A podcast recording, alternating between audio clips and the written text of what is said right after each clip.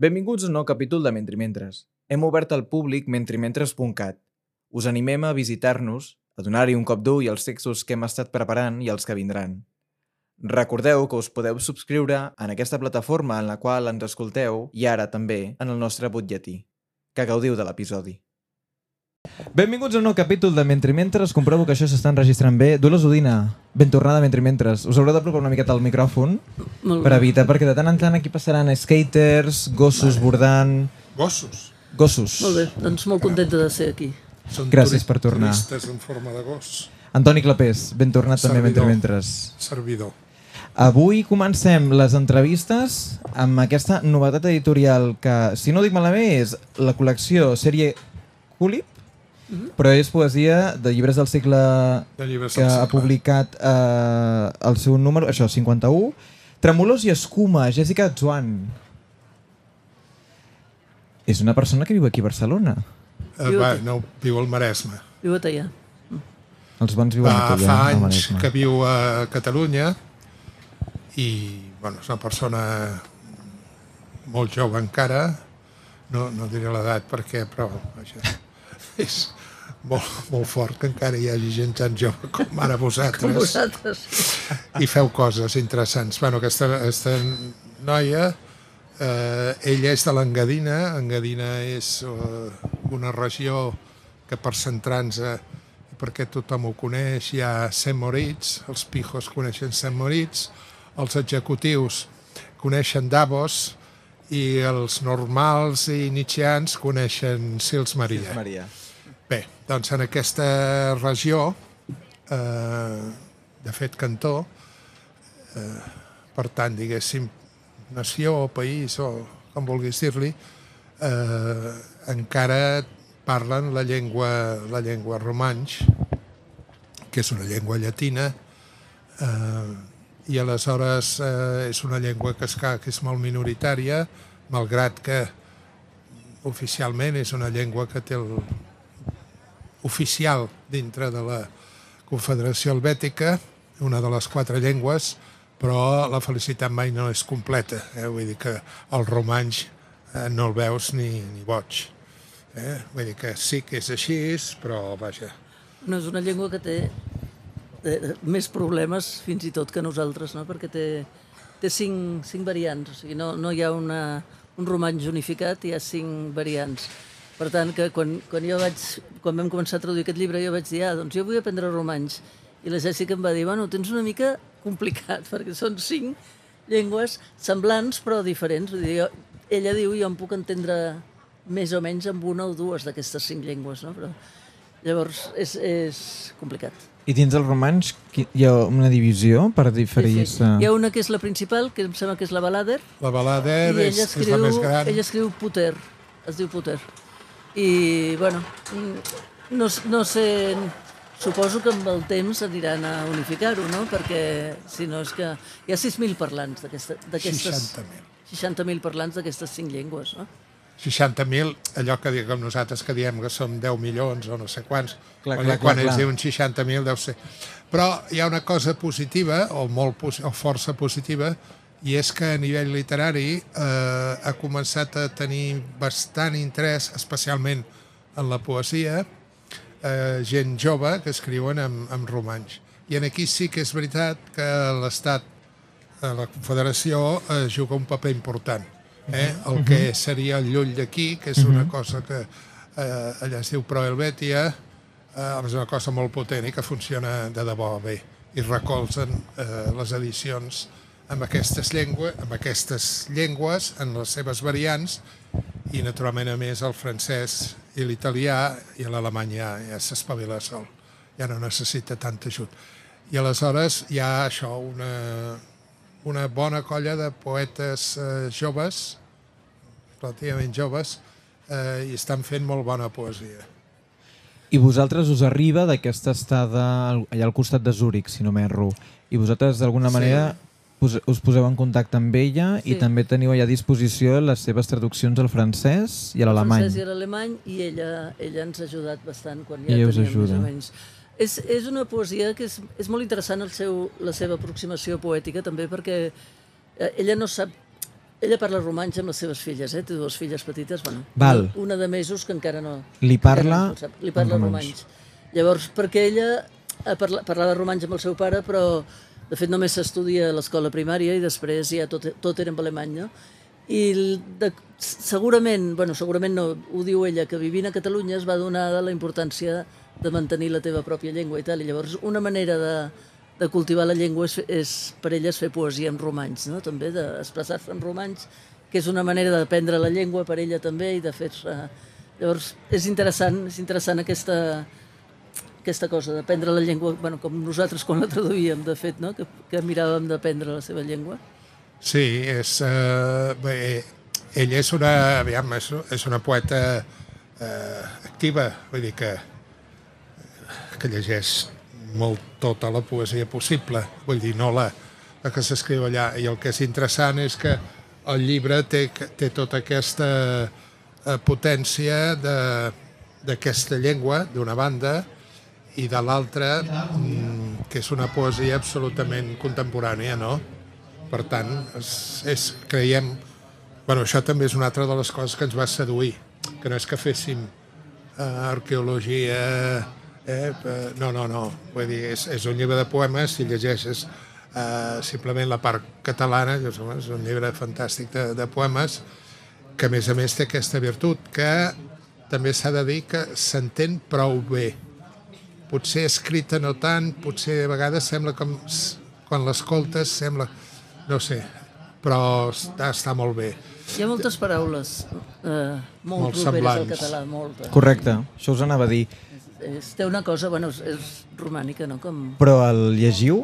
El podríeu llegir, el romanx? Uh, Jo, jo m'hi he atrevit, eh? Un dia en un, en Sí. un recital el vaig, vaig ah, llegir en romanx. i t'atreviries avui en, un, Sí, però en després una quan entrevista? senti la Jèssica, bueno, estarà bé, serà una prova, vale, perquè es vegi més o menys com sona. De fet, m'hi atreveixo perquè, perquè sé que es, que es llegeix com, com s'escriu, vull dir que és Clar. una llengua... Es diu Il Rebair, el comiat. Arrebair, mama, tot quels noms que heu no de odieu, coneixeu, bregeu, xmanxó. Arrebair, mama, heu tornaró com noms nous per nos lleis, nossas muntanyes, per me e per te. Arrebair, mama, baimbot u força, un dies creixaron, penes albes, et alura sabaro eau, tot quixeu avaro de sabair, per quel rebair. Il Revair. A Revair mamma, tu quels noms c'em de udia, conoscia, smanciò. A Revair mamma, e tornerò con noms nous per nos leis, nossas montanhas, per me e per te. A Revair mamma, ma in boto força, un dia em creixeron pennes alves, e de l'ura sabrò ella tot que c'averò de sabair per quel Revair. Com veieu, Ara, Toni, tu tot- el llegiries en català? Hi ha alguna paraula... Ai, l'he per- 63. El 63. Hi ha alguna paraula que és semblant i... i bueno, Clar. el comiat, a reveure, mare, tots aquells noms que no he sentit, conegut, cridat, oblidat, a reveure, mare, tornaré amb, nou, amb noms nous, pels nostres llacs, les nostres muntanyes, per mi i per tu. A reveure, mare, aviat, o potser un dia, em creixeran plomes blanques i aleshores sabré tot el que havia de saber per retrobar-nos una cosa que ella explica, que la, la Jessica explica, que en general els, els de l'engadina el que volen és marxar i, i diguéssim, tornar a poc, diguéssim, no? tornar allò de vacances o així. I mentre que li sorprenia o li agrada aquesta cosa d'aquí, de que a vegades nosaltres marxem però tornem i estem, eh? d'alguna manera ens costa marxar d'aquí perquè aquí ja funcionem més o menys bé. Podem fer la nostra vida teòricament amb la nostra llengua. Això és un dels eh, temes que eh, comenteu a l'epíleg, justament. I t'anava a dir que, Toni, has tingut la sort de traduir la Lori Saint-Martin i hi ha alguns poemes que són, els hagués pogut escriure perfectament també la Lori, en alguns aspectes. Sí. Perquè la qüestió de maternitat, llenguatge, família... Sí. Déu-n'hi-do, quina, quina, quines coses. Jessica Swan, és, com Sí. ho pronuncieu? Swan? Joan? Joan, jo diria que ella diu Joan. Joan. És una noia que val bastant la pena entrevistar, eh? Et, et diré. I, I és trobable? Absolutament. aquesta tarda Aquesta serà aquí. i, Ah. sí, sí. És, molt, és problema, fàcil de el trobar. problema suposo que ja us ha arribat que aquesta tarda potser venen tempestes. Sí. Estem Sí. una mica espantats. No, si no sabem Sí, què sí. passarà. Però no, bueno, no, no ara, però que val la pena perquè... No, buscar-li un dia és... és... molt interessant, no?, el tipus de, el tipus de, de relació que té amb la llengua, amb la poesia, amb, la, amb Catalunya, o sigui, la importància que té Catalunya a la seva vida també és bastant... Està, està molt bé, no sé. No, Són els poemes que ha publicat Llibres del segle. Potser en podríem llegir un altre, directament la traducció. Feu, feu una, una tria. Ah, mira. que vulguis. Llegeix aquest de Montgat Nord, ja que li agradava.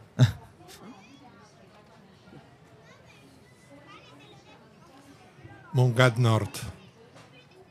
Quan t'estimo, tu ets una nit de sud sense fi, una clau amagada a la sorra, una pell xopa i coberta de sal, un vent càlid amb gust de llibertat, una llum taronja que balla sobre els murmuris de les gavines. Tu ets un batec del cor, que batega al ritme de les onades. Fins i tot, quan no t'estimo, tu ets tot això també. Tu ets tot això també. Jo t'he dit que he gaudit moltíssim llegint aquest llibre que ha publicat eh, Llibres del segle i us volia preguntar també, eh, ara que la teva relació ha canviat amb Cafè Central però segueixes publicant, a Llibres del segle veurem més coses vostres? Teniu, o esteu treballant o teniu algun altre projecte de mans de traducció a quatre mans de poesia? Ah, sí, home, home, els llibres del segle tenim molta, Dic que no, i ell diu que molta vinculació. Home, sí, sí. No, projecte Sí, sí, sí. sí. a quatre mans no. Projecte a quatre mans no. ah, projecte a quatre mans, no, de moment, però sí. S'ha de dir que aquest és el primer que sapiguem i hem buscat bé. el Que és la primer primera traducció Eh, la primera traducció al romanx romanx al català. que es fa sí. en català. Sí. Bueno, qual, no sé, fa gràcia, no? Per gràcia per nosaltres, diguéssim, no? Però, home, potser eh, després d'això hi haurà gent que, que descobrirà i que voldrà, que voldrà doncs, eh, fer també aquesta... Bueno, interessant. entrar en aquesta llengua. S'ha de dir que, home, els manuals i aquesta cosa és difícil de- d'obtenir. Eh, en fi, quan vam estar traduint això, és veritat que estàvem més ficats amb la llengua i ens era més fàcil tot. Això ja fa més de mig any, o uns bastants mesos, no, que vam estar-ho fent. I jo la veritat és que ja recordo poc, no? Però les ganes hi són. No, I a més, com que eh, solem anar a aquesta casa de És veritat, traductors de, de Suïssa, no? a Loren, que allà hi ha una, una gran biblioteca de romanys. I mm -hmm. sempre ens ho miràvem amb molt interès, però clar, és allò que dius, hosti, aprendre una llengua, aprendre una llengua que no, no t'ensenya ningú i que té tanta... Quants llibres hi ha en romanx? Pues, home, la biblioteca aquella pot haver-n'hi ben bé 200 o 300, no? No, no ho sabria dir, eh? No ho sabria dir, però és... Dels quals, quants diríeu que són aquests poetes joves que ara comentàvem de la Bueno, per generació... exemple, hi ha aquest que es diu Arno Kamenisch, que és un, un poeta, un, un novel·lista també que escriu en alemany, Sí? i la poesia la fa amb, amb La fa en romanx? romanx. Romanys. I és un noi molt, bastant exitós, eh? Amb... Al Alemanya. centre aquest on anem, vull dir, hi ha una biblioteca molt bona eh, de llibres eh, suïssos, en qualsevol de les llengües, i després els treballs que fan els traductors eh, que treballen en allà i, i com a, en el moment en què el llibre que d'això que han fet es surt editat, doncs hi ha el compromís de, de deixar-ho, no? Per tant, eh, nosaltres que fa molts anys que anem i la biblioteca era molt petita, ara ja han veït eh, una habitació, diguéssim, hi ha una habitació menys pels hostes perquè ja està plena de llibres i, bueno, i és allò, els llibres envaeixen la casa, no? I aleshores, clar, hi ha moltes revistes, molts, molta documentació de tot el que es fa. I això, eh, home, doncs, esclar, això et fa, et fa prendre l'interès per, per, per aquesta llengua i per aquesta literatura. Sí. En italià hi ha molta bona, molta literatura, molta literatura, sobretot poesia, eh? Jo parlo més de poesia. Ara simplement era per fer el comiat perquè estàvem parlant Fem un comiat i no fem esperar més. del Fassani i estàvem parlant de dia, que ara quan vingui el Pau Badell li, faré deure, li posaré deures. Això mateix. Com, com, què li he de dir? Uh, com és el volum que has traduït? No, Giorgio Aureli, Giorgio Orelli, el volum, el, té títols? És, pues, De l'italià, no? Sí? De és de l'italià. sí. Ja li, ja li és un demanaré. poeta doncs. important de... Encara no té títol. Bueno, és que no, és que no té títol. Està, bueno, suposo Està que allà. trobaré el, els poemes que tenia, perquè fa anys que ho vaig fer. Sí, estan perduts. Està perdut. En la immensa mar blava. Antoni Clapés, moltíssimes gràcies per sumar-te. Ara fem un canvi. Això és com el Ricard Ostrell, veus? Eh, tot dinàmic, tot dinàmic. Vagin passant, vagin passant. Pots agafar la cadira, et pots quedar per aquí. Aquest es pot treure. Ah, i aquest es pot treure, sí. A veure, jo és que aquí tinc un seguit de pòsits perquè si no hi ha coses que no, no me'n recordaré. Seguim a la Setmana del Llibre en català. Sí, sí, tenim corrent per aquí, sí, sí. No sé com i segur que torna a marxar.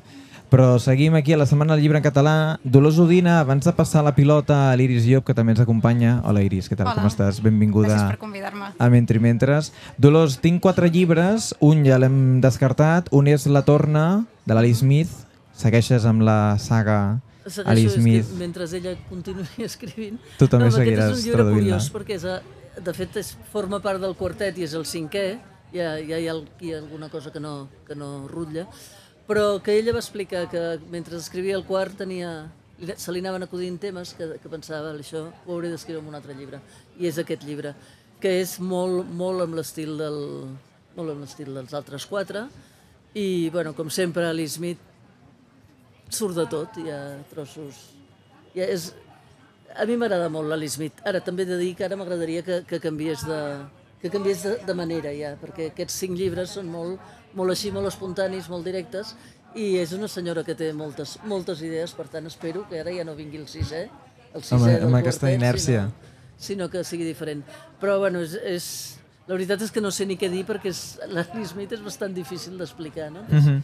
és, que, expli- que fa uns llibres... Es deixa, jo crec que la, la característica principal de l'Ali Smith és que es deixa portar molt per la llengua. O sigui, ella es posa a escriure i va, li van sortint jocs de paraules i a partir dels jocs de paraules li surt un nou pensament i, i és com una, com una cadena així en espiral, no? I que és, clar, això que fa que la traducció sigui bastant fotuda perquè perquè el joc de paraules t'ha d'anar bé en el moment que el fa, però també t'ha d'anar bé a les pàgines següents i quan torna a sortir el mateix joc de paraules, merda, ara no, ara no val aquell que havia fet, no? Llavors és, és difícil i divertit, és divertit traduir l'Ali Smith, et, et dona, molt, dona molta, molt camp al traductor perquè, perquè inventi. També és veritat que perquè també la pot, pots ficar més la pota, vaja. Home, Però- per favor. I en aquest sentit també una novetat editorial són aquests fragments de l'Emily Dickinson. Els fragments els deus haver traduït de l'anglès com escrivia l'Emily Dickinson, però em penso que el que és el, el volum com a tal de fragments és una editorial francesa que tenia tot un seguit és, de... un, és una col·lecció de... Ara no me'n recordo l'editorial francesa, però és una col·lecció que diu eh, així ho va dir Emily Dickinson, hi ha, hi ha molts, molts, molts, eh? perquè n'he vist, he vist que tenen un gran... I es- estava, jo el tenia, tenia el llibre en francès i en anglès, no? Són petits fragments, fragments de poemes, fragments de cartes. Clar, això de posar un fragment de poema ja és difícil d'entendre la Emily Dickinson, perquè sobre no tinguis una, una mica més de pista, no? Vull dir que havia de, de buscar el poema sencer i anar, anar fent. La veritat és que estic bastant contenta perquè jo sempre he pensat que l'Emily Dickinson és d'aquelles que, que vol demostrar que la traducció és impossible i, i trobo que al final, bueno, o sigui, me'l miro i no, no veig cap lloc que digui, ai, això, això no està bé. I doncs m'agrada, m'agrada perquè no passa poc, això, no? Que, que diguis, ai, això ho podia haver posat millor, no? I res, són, són petits fragments, molt, són molt fàcils de llegir, a més té la gràcia que la Dickinson diu tantes coses amb una petita frase que en tens per estona de T'animaries a llegir el fragment 136? 136. Vale. Les flors no són gaire terrenals, són com els sants. Sens dubte, ens hauríem de sentir més a casa amb elles que no pas amb els sants de Déu. Això és un fragment d'una carta. Això és eh, Calderón de la Barca, pur i dur. Fixa't tu. Fixa't tu. Sí? Soneto a les flores. Les O flores. ja. Ara, ara no m'afegis de memòria, eh, que segur que, que Ah, m'equivoco. mira, jo no m'equivoco. Però és, és Calderón de... No, eh, és divertidíssim Gràcia. uh, anar fent això, no? Uh, la triangulació, buscant, sí, anar sí, sí. buscant, anar jugant... I he de Sí, dir que perquè- la gent que gaudeix d'aquesta fascinació per eh, Emily Dickinson la van traduir a València en aquest volum que sortia una antologia no fa gaire i aquesta també del Mercè Riera Proa, Eh. però sí que és cert que Emily Dickinson per als lectors de poesia és un, un tòtem. És, sí, sí, totalment. És, és una... És que, clar, jo crec que, que cada frase hi pots treure molta cosa, cosa que dificulta, clar, quan... És com Clar. traduir Shakespeare, no? Que, que té, té moltes té moltes vessants el, Només pots perdre-hi. la frase, exacte, només pots perdre o pots dissimular, que diguéssim, no? quedar més o menys discret. Dirigir una mica que és un, l'energia. és un, un, un repte molt, molt interessant i molt bonic, eh? també és molt bonic traduir Emily Dickinson. Com sabeu, de Virginia Woolf els drets van, van caducar i això ha portat una gran cua de publicacions. La Dolors va traduir excepcionalment els diaris a Viena Edicions, una edició que recomanem moltíssim, però fa uns anys, l'any 2018, vas publicar un esbós del passat, que eren que, dos, tres capítols d'aquest llibre que es diu Moments of Being, si no dic no, malament. Un capítol. Un capítol. El, sí, el, el Moments of Being està format per 5 o 6, més que capítols, textos, perquè és una cosa recollida més tard. D'acord. I un esbós del passat. A mi és un, un llibre que, m'encanta perquè, perquè et fa veure qui és qui és la Virginia Woolf.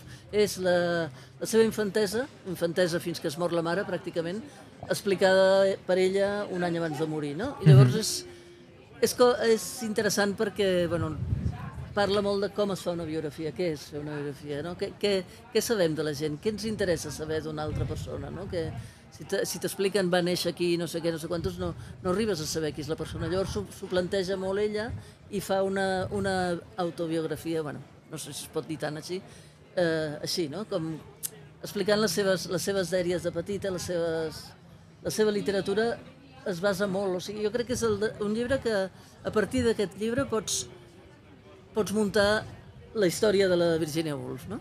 Una... A més a més, jo crec que és una... M'afegeixo perquè en aquest Sisplau, cas, sisplau, eh, quan, t'anava a quan vaig preguntar. llegir uh, aquest llibre que comentàveu ara, a part de que el vaig trobar deliciós, uh, crec que és, una, és un molt bon company de lectura per llegir, per exemple, cap al far. Eh. Perquè hi ha molts Molt. elements que ressonen de l'un a l'altre, no? I, amb, els anys igual. És, hi Exacte. ha molts Exacte. detalls de la Sí. seva vida Exacte. que, que, es, que es veuen en aquest... En aquest Sí. Sí, les, sí, sí, les sí. seves, sobretot les seves obsessions, no? les obsessions i les coses aquestes que la fan que la fan estar al món incòmode, que diguéssim. Sí. I és curiós, no?, perquè vas traduir primer els diaris, que... ah, No, perdó, No, primer, primer aquest, oi? I després els diaris, quan en els diaris hi ha un moment no, en què ella parla de bueno, potser això em servirà més endavant per fer unes Per memòries, vida, no? clar, I exacte. llavors llegim... Per tant, també, abans no? Són... les memòries. Jo us anava a preguntar, primer, d'on surt la idea d'aquesta selecció? Mhm. Però la selecció un cop llegeixes és claríssima, no cal ni epíleg ni pròleg, és, és, és, és diàfan i és que realment Virginia Woolf com a lectora era extraordinària. Era fascinant. Sí, sí. Vull les reflexions que hi ha sobre Shakespeare, Jo he de dir sobre que la, la, la meva primera... sobretot. Jo anava llegint articles de la Wolf, i ni, ni articles, assaigs, aquests, i n'hi havia que m'agradaven més o menys, o sigui, la selecció, per part meva, després va, va venir la Iris i va posar, i va posar ordre, no? però la meva és totalment intuïtiva, els, els textos que, em, que més em cridaven l'atenció. Vaig fer una selecció i llavors quan, quan es va incorporar l'Iris a fer aquesta, aquesta selecció, ja pots Sí. dir. Bé, de fet, tu dius que és intuïtiva, però tens una molt bona intuïció, perquè quan Bueno. em vas passar la llista inicial ja hi havia molts dels que jo hauria triat. Uh, és a dir, d'edicions dels, dels assajos de la, de la Wolf n'hi ha de diferents menes, n'hi ha les que decideixen seguir els volums que ella va publicar en vida, les, els dos volums del, del Common Reader, o després tenim els, les que decideixen no, fer una selecció pròpia, i, i de fet la, la meva idea a partir de la llista que, que em va passar la Dolors era sobretot eh, agafar aquells que eren essencials per entendre la, la poètica no? i el pensament literari de, de Virginia Woolf perquè existia una selecció prèvia que s'havia publicat a columna de, que es deia Dones i literatura on hi havia una mica de tot Um, però, però després jo vaig pensar, dic, home, si el que volem és presentar-la amb ella com a lectora, com a crítica literària, com algú que, que té aquesta, aquest pensament elaborat sobre la novel·la, sobre els debats uh, que hi havia en la novel·la del seu moment, una pregunta pel llenguatge i per les característiques específiques de què vol dir escriure en llengua anglesa, uh, sobre, fins i tot reflexions sobre hermenèutica, pròpiament, no? Um, creia que aquests assajos clarament eren els que, els que s'havien de, de llegir. No, que us volia llegir dins del primer capítol, l'artesania, que és gairebé una semiòtica abans de la semiòtica, eh, té un punt de lectura també psicoanalítica abans de la psicoanàlisi. El poder de vocació de les paraules és tan gran que sovint converteixen un llibre dolent en un ésser humà molt estimable i un bon llibre en un home difícil de suportar a la mateixa habitació. Fins i tot paraules de fa centenars d'anys tenen aquesta facultat. Quan són noves, són tan vigoroses que ens aixorden i no ens deixen sentir el que, els, el que ens vol dir l'escriptor. Les veiem i les sentim a elles. Aquesta és una raó per la qual el nostre judici dels escriptors vius és tan exageradament erràtic. Tan exageradament erràtic. De fet, aquest fragment eh, ressona molt bé amb el text sobre els contemporanis no? I, i com canvia el judici que fem sobre els escriptors morts o sobre els contemporanis. Però sí, jo crec que en el, en el seu pensament hi ha moltes coses que després hem vist desenvolupades en la teoria literària. No? Per exemple, Exactament. hi ha un altre passatge justament en, en aquest eh, text d'artesania on eh, ella parla de- d'aquesta bueno, del fet de que les paraules viuen a l'esperit no? I, no, i no en els diccionaris. I això és una cosa que després trobes, per exemple, en el pensament de Mikhail Bakhtin quan està parlant sobre la novel·la.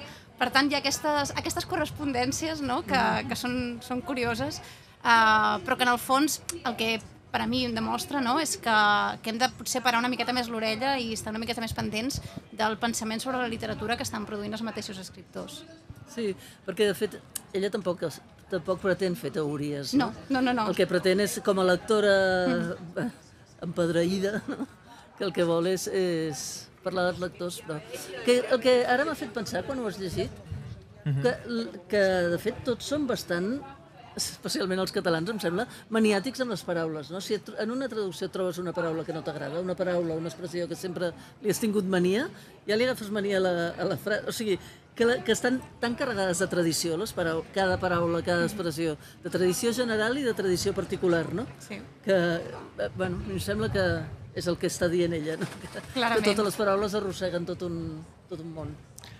Estem parlant d'aquest volum, Les paraules viuen a l'esperit, que són aquests assaigs escollits que han publicat eh, la selecció Dolors Udina i Iris Llop, amb també traducció de la Dolors Udina i pròleg d'Iris Llop, que ho ha publicat Kit Pro Quo. Uh, jo us volia preguntar, per anar concloent també l'entrevista i fer una idea general d'aquest aquest, què és aquest volum uh, d'assajos, uh, què és el que us ha interessat més i què és el que heu volgut prescindir de la, del pensament de la Virginia Woolf. Uh, heu agafat, detecto, sobretot, molt de pensament sobre altres escriptors i molt uh, de pensament sobre altres obres. Uh, no us ha interessat tant, per exemple, aquest volum, pensament sobre les seves pròpies obres, que això també existeix? Um, jo diria que això ho trobem potser més en els diaris, no? Aquesta reflexió sobre la pròpia escriptura, uh, evidentment hi és quan parla dels altres, no? Perquè qualsevol escriptor, quan parla d'un altre escriptor, també està comparant-se amb si mateix. Però, però crec que aquesta, aquesta mirada cap endins, o aquest pensament més sobre la pròpia obra, o sobre reflexions concretes a partir de l'escriptura, està més en els, en els diaris i en les cartes. Sí, sí, i a més a més crec que clar, aquests assaigs surten del, de, de Common Reader, o sigui, l'objectiu d'ella era parlar del lector comú, del lector, del lector de cada dia, vull dir que ella es fa, aquí apareix com a lectora, com a lectora avantatjada, que diguéssim, no? Vull dir que... Com a, com a lectora incansable, perquè Exacte. de fet també llegint els diaris veus el que es planifica de lectures per cada, cada setmana o Sí, no. sí, sí. I és dius, horrorós, horrorós. T'agafa una mena de... D'angoixa, sí, sí. de... Però jo crec que la, la, la prioritat era aquesta, no? una mica el que diu la, la Dolors, uh, presentar-la amb ella sobretot com a lectora. És a dir, crec que a Catalunya ja la coneixíem com una gran novel·lista, però, però la, la qüestió era ara conèixer-la més com a lectora, com a crítica literària, i, i per tant entrar justament en això, en les seves habilitats Sí. sí. a l'hora d'interpretar textos. I a mi una cosa que m'agrada molt és que et dona, et dona molt poder com a lector. O sigui, et, et, fa, et fa veure que com a lector tens, poder, tens el poder de, de, d'intervenir a la literatura, no? I això m'agrada. sí, sí. M'agrada perquè és... És- una... No és didàctica, No. però sí que t'està donant preguntes I pautes, i, no? pa- i algunes eines no, de dir... Sí, sí. Per què? És a dir, ha, en l'estil, per exemple, i això ho hauràs notat tu, no? hi ha molta pregunta retòrica Molta. que després ella va, va elaborant, no? i crec que en aquest sentit... Per això feia servir abans aquesta paraula que a vegades pot eh, despertar algunes pors no, d'hermenèutica, perquè crec que descriu No, no, molt bé absolutament, eh, absolutament. el seu procediment. Absolutament. I eh, que el seu procediment neix també d'una crítica a certs funcionaments i a certa literatura, Sí, que està tota l'estona qüestionant De, de fet, ella vol, vol tirar endavant, no? Vol, vol veure Sí, quina sí, és la sí, manera sí, que la sí, sí. literatura pugui, pugui participar del món actual, no? Del món actual i de... Sí. amb aquest terme arentià, no? participar del món.